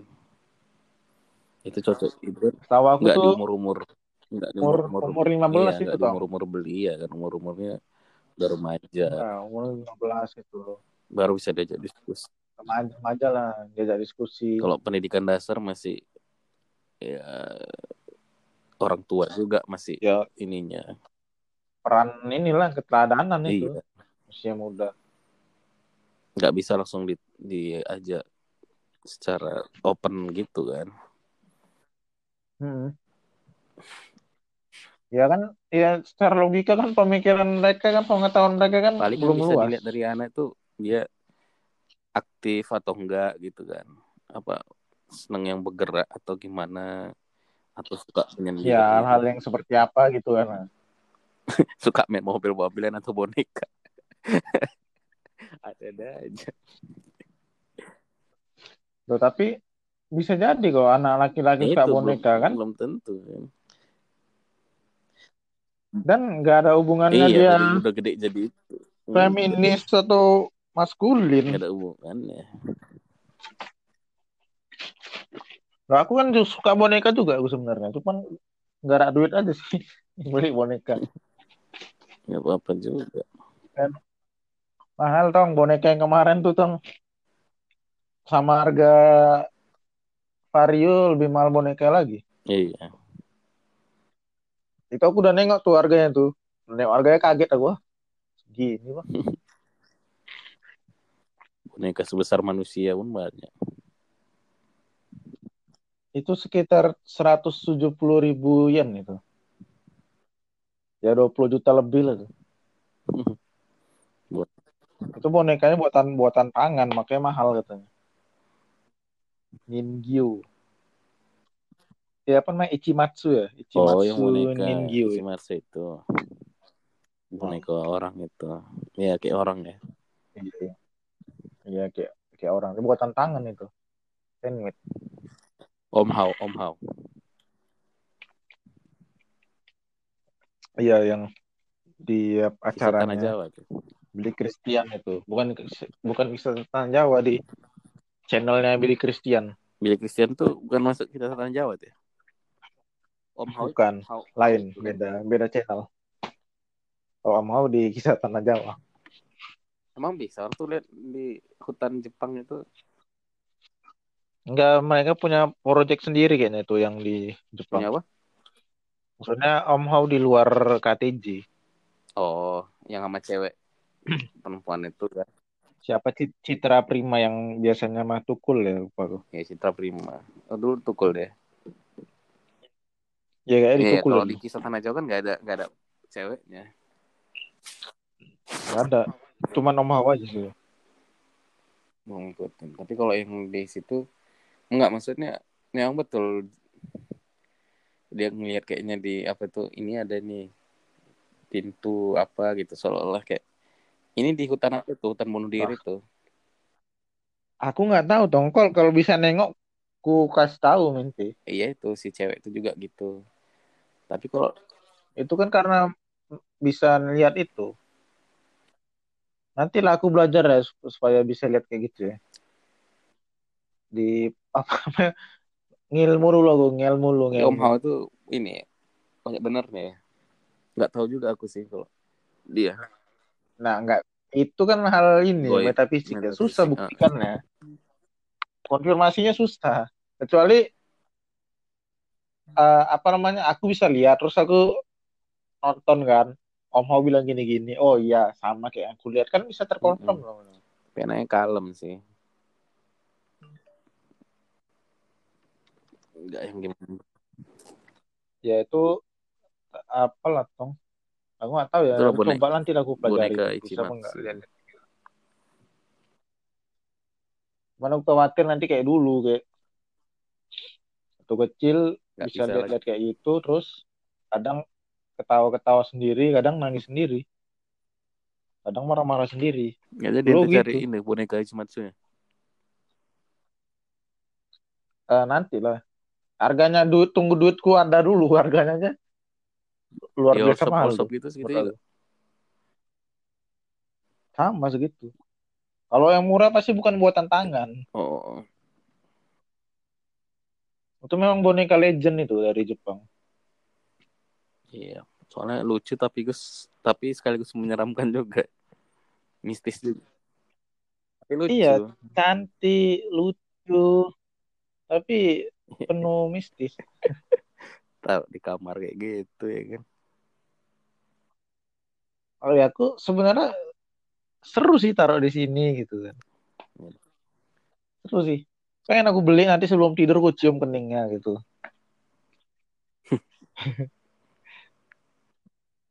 tiba-tiba Ngelau- dia pagi Tuh, dari mana dia ada cium kening ente iya kaget aku kan ih kok bisa ya udah kayak boneka caki nanti deh. Halu pula ente kan. Banyak robot-robot di sana kan. Robot. Tapi boneka itu loh yang yang menarik. Iya budaya juga kan budaya di sana juga. Gak ada tempat lain ya Apa? budaya asli juga di sana. Oh iya udah ratusan tahun kan. Buat buat boneka gitu. Oh gitu udah 100 menit. Tuh nggak nyata nggak angka juga sampai sejauh ini. Ya udah ntar besok besok lah nyambung lagi Atau ya. ada lagi atau yang ada ide-ide yang lain ya. Apa?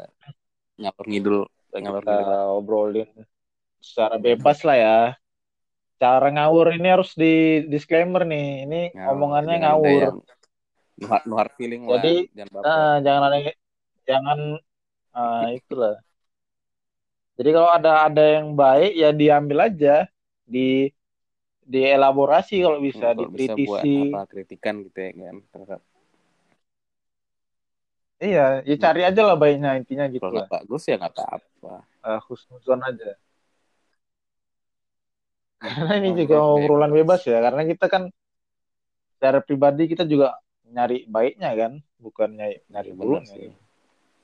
ya kalau mau lebaran gini ya selamat lebaran lah ya Tong. Oh ya, oke Tong, sama-sama Tong. Ini tahun ini suasana Lebaran aku agak beda, jadi ya nggak nggak aku aja ya. Seluruh Ente juga lah ya di sana ya. lebaran. Iya, agak agak Iya. beda tahun ini. Dan nggak tahu nih sampai kapan ya. Ya, mudah-mudahan segera pulih, kembali normal, ja- kembali normal kayak dulu ya, jangan ke normal yang baru. Nanti kita Iya, butuh penyesuaian lagi kan. Lagi Kalau kalau ke normal ini normal. penyesuaian lagi kayak foto Repot yang di. Cina tuh orang anak sekolahnya pakai topi satu meter kiri kanan Nah iya, repot. Ke mana-mana kayak gitu. Sekat di mejanya tuh taruh plastik keliling gitu Nanti sampai ke ini, Tong. Ke pabrik kan juga gitu. Bagian packing nanti, packing makanan kan. Apa packaging ya? Packaging makanan pasti kan semua ini. berubah kalau memang kita bakal Berubah nanti. jadi mudah-mudahan cepat dia kalah segera berlalu lah.